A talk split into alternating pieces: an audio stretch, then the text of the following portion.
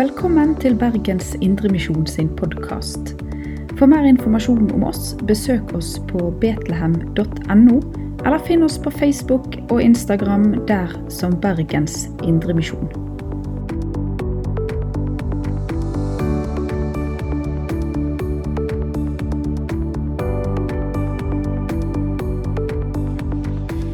Hallo, hallo, alle sammen. Så kjekt å eh, se dere. Jeg heter Sverre Olai Knadal. Og så kommer jeg fra eh, Volda, på det vakre Sunnmøre. Jeg flytta hit til Bergen for to og et halvt år siden og studerer juss i Bergen her. Og så er jeg ansatt i, eh, i Bergens Indremisjon.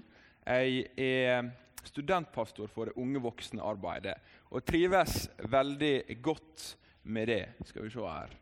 Og eh, det er ikke alle som kjenner meg, så derfor bare la jeg til noen bilder av meg. Det bildet til venstre det er fra eh, innsettelsesgudstjenesten her.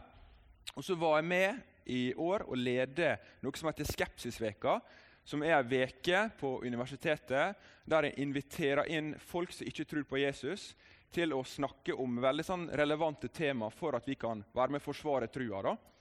Eh, og så var det en artikkel av meg i dagen der jeg prata om hvordan jeg ønsker å nå jusstudentene mine eh, med evangeliet. da. Men i dag folkens, så eh, vi, er det altså Kristi kongedag og domssøndag. Og Det er jo virkelig å sette den nyansatte i ilden. Og eh, Kristian, pastoren, jeg hadde meldte litt med han, og så spurte jeg ja, hva skal jeg prate om. da? Så skrev han det må være alvorstunga.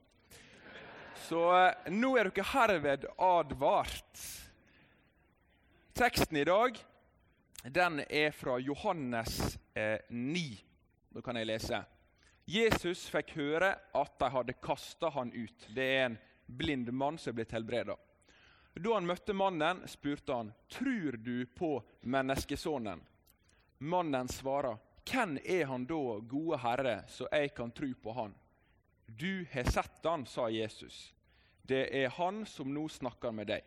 'Jeg tror, Herre', sa mannen, og han tilba han. Da sa Jesus, 'Til dom er jeg kommet til denne verden, så de som ikke ser, skal se, og de som ser, skal bli blinde.'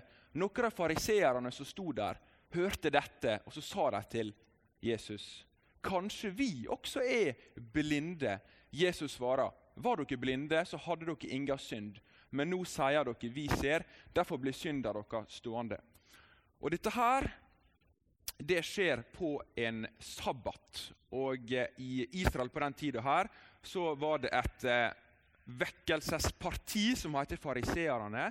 Og De hadde tolka Moselova veldig innskrenkende, sånn at folk ikke skulle bryte lova. Som er en veldig god tanke. Og Jeg vil ta dere med inn i Johannes eh, evangeliet kapittel 9 eh, i dag. I, og Kapittel 8 og kapittel 9 det henger veldig godt sammen. Og Hva det er Jesus sier i slutten av kapittel 8? Så sier han Sannelig, sannelig, jeg sier dere, før Abraham var, er jeg. Da tok de opp steiner og ville kaste på han, men Jesus skjulte seg og gikk bort fra tempelplassen. Og Så begynner kapittel 9 med da Jesus kom gående, fikk han se en mann som hadde vært blind fra han var født. Så Vi er nødt til å lese de to kapitlene i en sammenheng. Jesus han har vært i ordskiftet med fariseerne. Og så sier han rett og slett at eh, Abraham, den største av, av mennesker som har levd, han ble født. Men jeg er.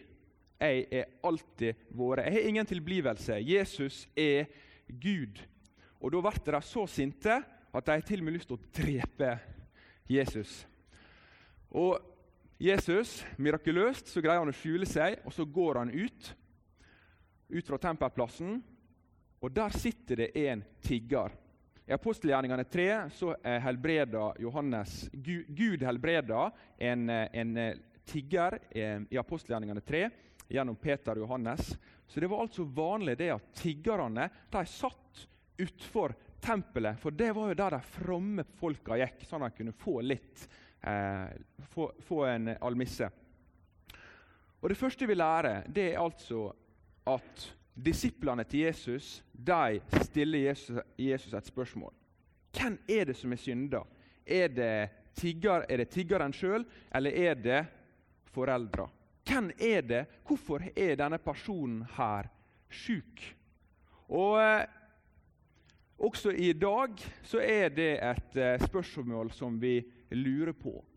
Hvorfor er det sånn at eh, folk er sjuke? Er det pga. noe individuelt er gjort? Nei, det må ikke være det. Rett og slett er det sånn at det, Bibelen lærer oss det er menneskeslekta gjennom Adam som er synda, og det er grunnen til at det er sykdom i denne verden. her. Og Jesus sier verken han eller foreldrene hans har synda, men nå kan Guds gjerninger bli åpenbare på han. Så lenge det er dag, må vi gjøre hans gjerninger. Så Jesus han lærer oss her at Istedenfor at vi skal bruke så mye tid på å filosofere og debattere om hvorfor folk er syke, og ditt og datt, så sier Jesus her vi må handle. Vi må bry oss. Vi må gjøre Guds gjerninger. Og Det er en utfordring til deg og meg.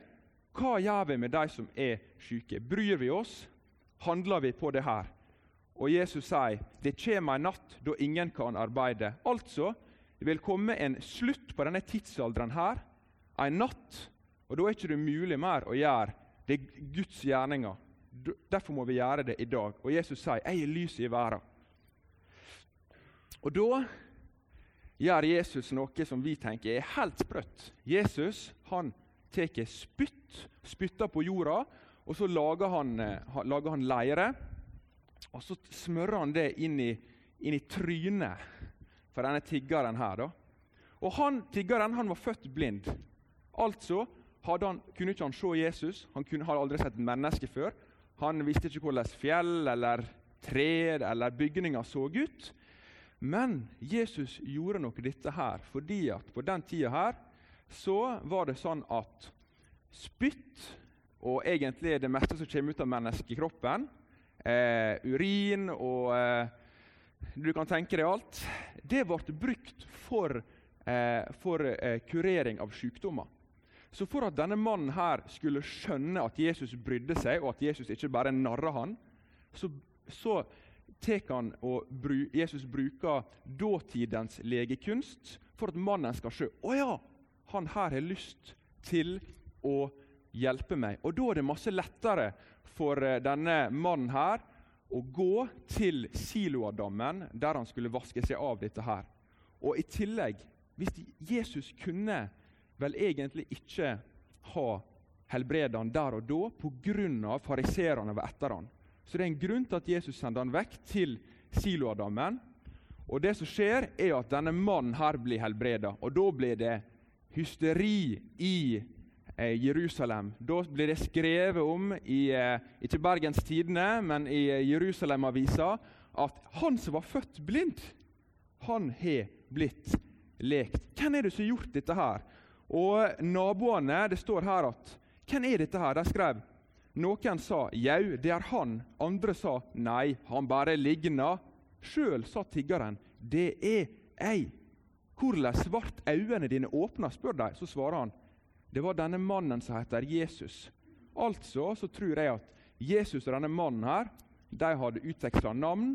Og det kan være en utfordring til oss. Husker vi navnene til folk som vi hilser på? Eller går det rett forbi? Jesus var flink på disse tingene. her. Han helste på denne mannen her. Og det med at folk ikke kjente han igjen Kanskje er det fordi at øynene våre er en så viktig del av personligheten vår at vi rett og slett ikke gjenkjenner folk. Men dette her, det var en så utrolig stor eh, gjerning at en som var født blind, ble helbreda. Så I Johannes 9, vers 13 så står det at de førte mannen som hadde vært blind, til fariseerne. Kanskje kunne de ha sendt han til Sanhedrin, som var på en måte høgsteretten på denne tida. her, Men de valgte å få denne mannen her til fariserene, lederne i den lokale synagoge, for å få greie på dette her med religiøse opplevelser. Hvordan har det seg slik at denne mannen her har blitt helbreda. Og eh, Hos eh, fariserene så blir det uenighet fordi at de finner ut at han der eh, Jesusen som de nettopp ville steine, det er han som står bak. Og det går ikke opp i hodet til fariseerne.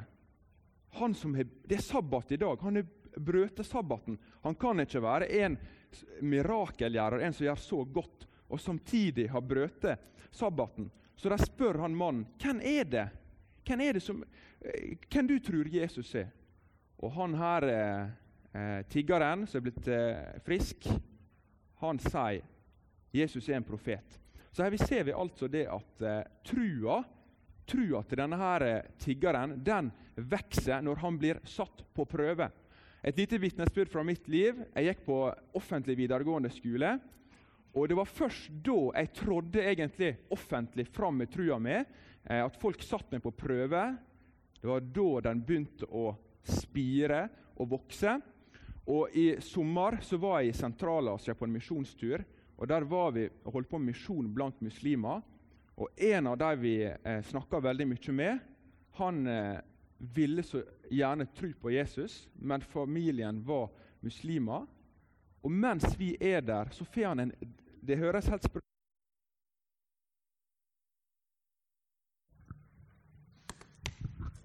Yes, flott.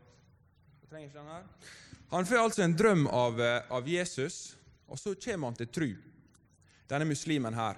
Og Vi, vi får oppleve det her. Eh, og eh, Dagen etterpå så skulle vi ha en slags sånn feiring med foreldra til eh, disse her muslimene som vi brukte denne veka her med. Og Da blir han rett og slett satt på prøve. For det, det å være muslim i Sentral-Asia det betyr at du mest sannsynlig du, må, liksom, ofrer egentlig mye av framtida di. Ja. Kontakter og utdanning. Men han var så frimodig, for han hadde sett Jesus. Han hadde sett Jesus og vitna fakta. Jeg har sett han, jeg tror. Og det samme gjør den blinde mannen her. Vitnesbyrdet hans er det jeg veit, kjære gode fariseere, det at jeg før var jeg blind, men nå ser jeg. Det er, det er rett og slett fakta. Det skjedde en inngripen i livet mitt. Men fariseerne nøyer seg ikke med dette her. Så de henter inn foreldra til denne tiggeren her. Men foreldra, deres holdning til dette her, det er at siden de visste at de som assosierte seg med Jesus, de skulle bli støtt ut av synagogen, altså det lokale, religiøse og sosiale fellesskapet. Så det de sier, det er hvordan det har seg nå at de kan se, det vet vi ikke. Og heller ikke vet vi hvem som har åpna øynene hans. Spør han sjøl. Han er gammel nok til å svare for seg. Og eh, Her ser vi altså at foreldra til denne mannen her, de er rett og slett eh, De deler ikke gleden med at sønnen har møtt Jesus.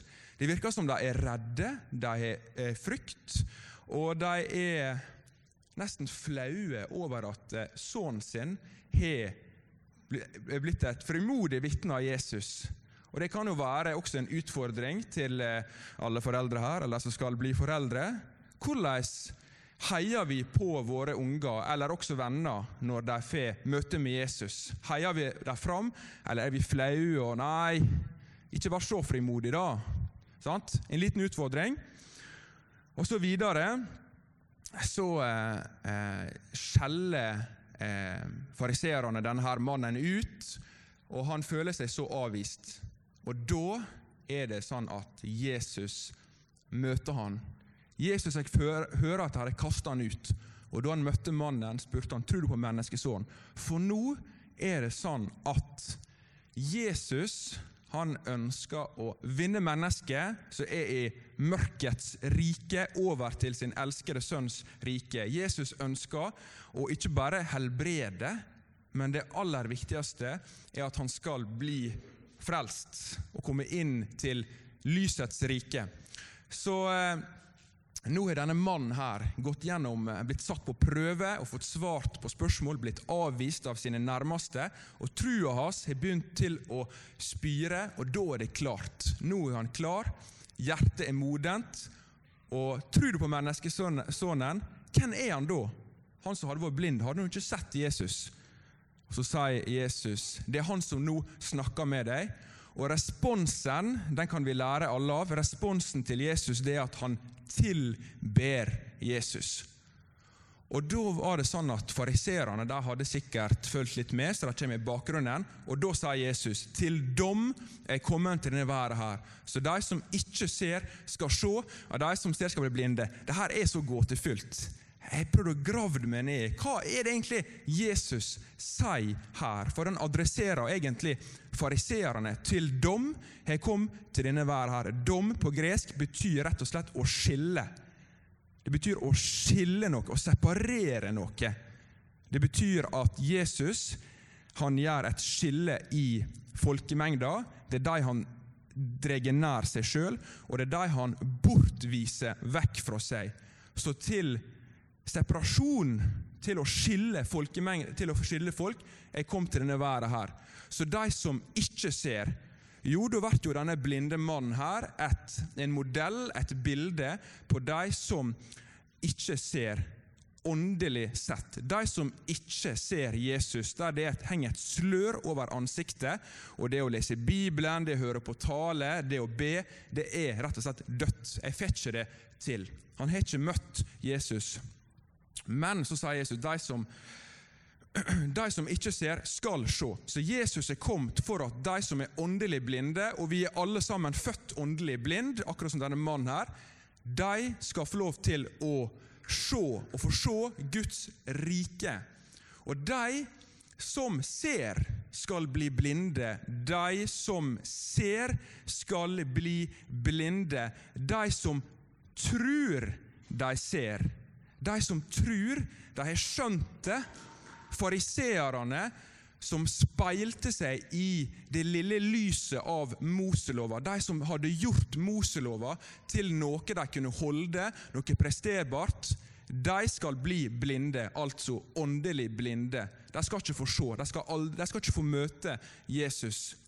Noen av fariserene sto der sikkert og freste av sinne. Og så sier de Kanskje vi også er blinde, eller hvordan våger du å kalle oss blinde? Det er jo vi som har skjønt det. Vi er lærerne for folket. Vi er juristene. Vi er eliten. Og Jesus svarer, var dere blinde, hadde dere inga synd. Men nå sier dere, vi ser. Vi har skjønt det. Vi, vi, vi kan holde denne lova her. Derfor blir synda dere stående. Så Utgangspunktet det er at de som er åndelig blinde, som vi alle er født med, alle her er født åndelig blind, vi er nødt til å komme til det punktet der vi skjønner at vi er åndelig blinde, og at vi trenger lyset, at vi trenger en som kan åpne opp øynene våre for det himmelske riket. Og Hvis vi fortsetter å si at vi ser, at vi har skjønt det, at vi kan holde lova, ja, da blir synda vår stående i dommen. Jesus kom for å frikjenne, men han kom også for å bortvise. Og Nå har vi gått litt gjennom den Johannes 9-teksten, og eh, nå begynner alvoret. Nei da. Som Kristian sa, skal vi se her Da skal vi videre eh, til å snakke litt mer generelt. Eh, ja, her også er noen gode bibelvers. Det står her for helt til denne dag ligger dette sløret der når de leser fra den gamle pakta, og det blir ikke fjerna, for det er i Kristus at sløret blir tatt bort. Ja, helt til denne dag ligger det et slør over hjertet der når det blir lest fra Moselova, men når de vender om til Herren, blir sløret tatt bort. Og I 4.4 står det For guden i denne verden, som er Satan, har blinda forstanden til de vantruende, så de ikke ser lyset som stråler fra evangeliet om Kristi herligdom, Han som er Guds bilde. Og Det gamle testamentet det peker også på at eh, alle mennesker lever i mørket, men at Messias Det står om det i Johannes eh, kapittel 9, i kapittel 29 og kapittel 60 at Messias skulle være en person som kom med åndelig lys. Og Hele Gamle Testamentet peker på denne her, eh, lysbringende tjenesten til Messias. Også i Johannes 3 så sier Jesus sannelig, sannelig, jeg sier ikke, den som ikke blir født på nytt, kan ikke se Guds rike. Og Johannes 14. Og når Han kommer, som er Den hellige ånd, skal Han gå i rette med verden og vise henne hva synd er, og hva rettferd er, og hva dom er.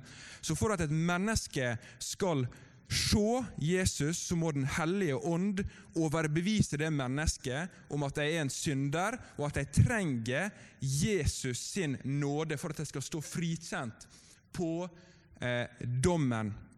Og Du kan dra den parallellen her. Se for deg at du, jeg og Helge sitter i baksetet på en Ferrari som Jesus kjører. Og Lyset er på, det er mørkt ute. Og mot oss så kjører det en bil med, flomlys, med, med lys på. Og jeg og Helge vi ser veien. Vi har Jesus som sjåfør.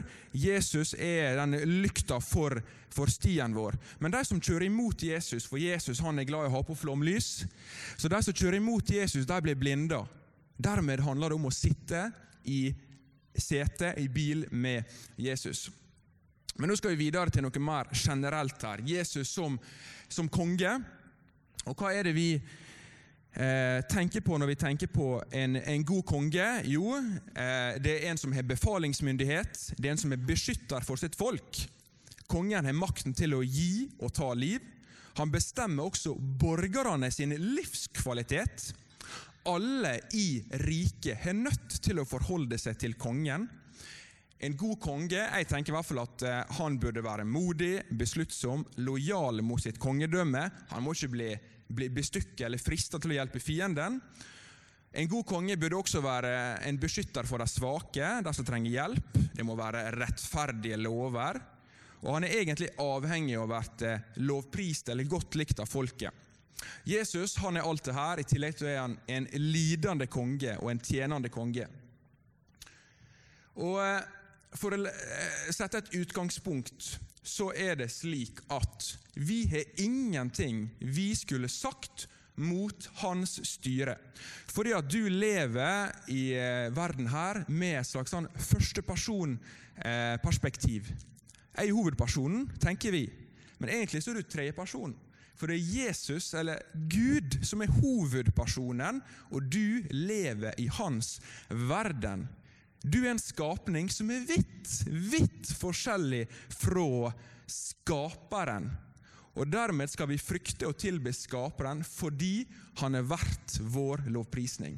I Romane 9,20 så står det Men hvem er du menneske som tar til motmæle mot Gud? Så bare fordi han er skapt, og fordi den han er, så er han verdig vår lovprisning. Og Gud er omtalt i Skriften kjempemange ganger. Blant annet står det i åpenbaringen at Jesus er kongenes konge, herrenes herre. Og Salme 47 står det at Gud er hele jordens konge. Jesus, I sin samtale med Pilatus så sier han at 'min kongsmakt er ikke denne verden her'. Eh, og han sier til eh, Pilatus, som er eh, Cæsar har satt Pilatus inn som eh, embetsmann og dommer over provinsen Judea. og Jesus eh, møter han her med kald ro og, still, og, og stillhet. Han sier, 'Du har ingen makt du over meg om du ikke hadde fått henne ovenfra.' Så Jesus er så mektig, og han sitter på trona i dag. Nahum 1,7. Herren er god. Han er virkelig god. Og eh, her er et bilde av alle Guds karaktertrekk. Han er så mange ting, og vi må ta alle han, vi må ta alle Guds karaktertrekk i betraktning når Gud handler på jorda. Han er definisjonsmakten. Så hvis Gud gjør noe, hvis Gud Vi leser om Gamle Testament at Gud griper inn, og han dømmer ondskap for å skape frelse, så kan vi bare peke, selv om det er overraskende for oss, kanskje, så kan vi bare peke på det, så sier vi det er rettferdighet. Fordi Gud er rettferdighet. Og han legger heller ikke vekk sin kjærlighet når han griper inn og fjerner ondskap. Bevis på at Gud er god og at Guds dom er kjærlig, i Nahum, som er et av de siste, et av de, eh, siste profetbøkene i Det gamle testamentet, så lærer vi at Asyria, som var et stort rike på denne tida, her, terroriserte verden. De hadde hovedstaden, det var Ninive, og de reiste ut og de, de, tok, de tok og undertrykte folkeslagene. Gud han reiser opp Babylon for å knekke Asyria sin makt. Og Da står det i Nahum det står at eh, Samanbrotet kan ikke lækjast. Du er alvorlig såra. Alle som får høre om deg, klapper i hendene. For hvem har ikke gang på gang blitt råka av din ondskap? Så Her lærer vi at hele verden jubler i glede for, og klapper i hendene for at nå er Asyria sin makt knust. Så Gud han er ikke passiv. Han, han greip inn den gangen der. Og Så lærer vi det at eh, vi lever i en tidsalder, og det her må være en sannhet som vi løfter høyt i vår tid. En dag så skal Jesus komme igjen og dømme levende og døde. Og Gud har innsatt en mann, og dommen er overgitt til Sønnen.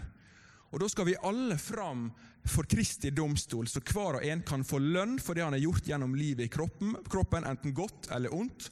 Og I Matteus 12 så står det Hvert unyttig ord som folk sier, skal de svare for på dommedag. For etter ordene dine blir du frikjent, og etter ordene dine blir du felt.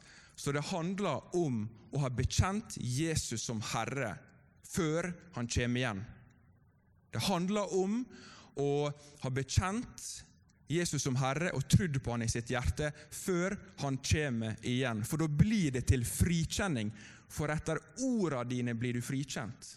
Og Dette her er utrolig. Hvert unyttig ord som folk sier, skal de svare for. Det skal være en dag, en regnskapsdag, der vi skal gi rapport på det livet vi har levd. Alle mennesker skal framfor Kristi domstol. Det må bli en realitet i livet vårt. Et mål, en jubeldag, en befrielsesdag for Guds folk. Da skal alle folkeslag samles foran han, og til og med de som ligger i gravene, skal våknes opp og møte han. Og eh, Nå går jeg inn for avslutning her. Eh, vi vet at etter denne her, her dommen, som skal bli rettferdig, så skal Gud nyskape jorda, og vi kan endelig leve uten synd. Dette livet her så kjemper vi med nebb og klør mot synd med Den hellige ånds hjelp, men en dag skal alt være over. Takk Jesus for at han har sletta det skyldbrevet, og at når Jesus hang på Golgata kors, så skjedde det et, et, et salig, stort, fantastisk bytte. Jesus sa 'til dom har jeg kommet', ja, og den dommen ramma han for at vi skulle bli frikjent. Så Gud viser sin rettferdighet gjennom evangeliet, at han dømmer Jesus. All vår synd betalte Jesus fra. Hvis du ser for deg et stort, hvitt ark der det står 'Jesus' på, og på det arket så er det ingen synd, ingenting å ta han på. Og så har du et ark med min synd og med din synd. På det arket der der det er så langt at hvis du skal, det blir en bokrull som går helt ut i gangen og rundt jorda, for det er så mye synder. Og Det som skjer på korset, det er at Faderen han tar det arket med alle våre synder på, og så måler han opp den tilmålte straffa for det. Og så dømmer han Jesus ut ifra våre synder. Og Jesus blir dømt, og han dør. Og så, vi som tror på han, vi får Jesus sitt ark. Og når Jesus ser på oss, så ser han Oi, det er jo ingenting å ta på her. Det er ingenting. Det her må bli frikjennelse. Så Dermed kan vi juble for dommens dag, fordi Jesus har frikjent oss. Og Det blir et lite halleluja for det. Til slutt vil jeg gi dere et par utfordringer. Eh, det var en gang eh, slik at det var mange disipler som eh, rett og slett gikk fra Jesus. Og da er det sånn at Jesus sier til disiplene eh, Mange disipler sa dette her er harde ord, Jesus. Hvem kan høre på slikt? Og Kanskje dere har fått høre litt harde ord i dag. Jesus han visste med seg at læresveinene hans murra pga. dette. Og Så sier han til dem, til dem gjør dette, at dere faller ifra. Og Da er vi nødt til å svare sånn som Peter gjorde. Peter svarte um, Herre, hvem skulle vi gå til? Du har det evige livs ord. Så Første utfordringa er at selv om det kan være harde ord, så må vi gjemme, gjemme Guds ord i hjertet. Hvem ellers skulle vi gå til? Vi har bare Jesus. Han muslimen som jeg møtte i Sentral-Asia. Hvem har jeg gå til? Ikke engang foreldrene mine. Den blinde som vi leser om Johannes 9. Ikke, jeg kan ikke gå til mine nærmeste venner og naboer. Jeg har kun Jesus å gå til. Du har livsens ord. Det er første utfordring. Andre utfordring er hvordan er vår oppfattelse av syke, av tiggere, av de svake? Er det noe vi filosoferer over, debatterer over? Vi kjenner, med, vi kjenner medfølelse, men vi ikke handler på det. La oss lære av Jesus. Jesus han sa til disiplene Slutt nå å diskutere, la oss handle så lenge vi kan. For en dag så eh, er natt, så kommer natta, og dommen skal komme.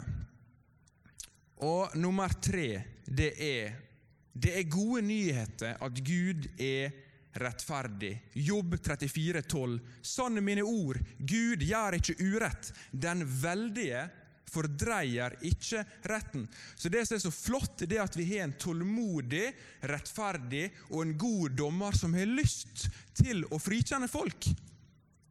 Han har lyst til det her. Han har lyst til å frelse alle mennesker. Han bruker oss, han bruker menigheten her, som et redskap for å nå ut i verden. Så De tre utfordringene i dag det er vi må gjemme Guds ord i hjertet, sjøl når Guds ord kan være hardt. Det andre er vår oppfattelse av syke mennesker. La oss handle og bry og begynne å hjelpe. Og Den tredje utfordringa er vit at det er gode nyheter. At denne her rettferdighetslengselen vår den skal bli tilfredsstilt en dag der framme.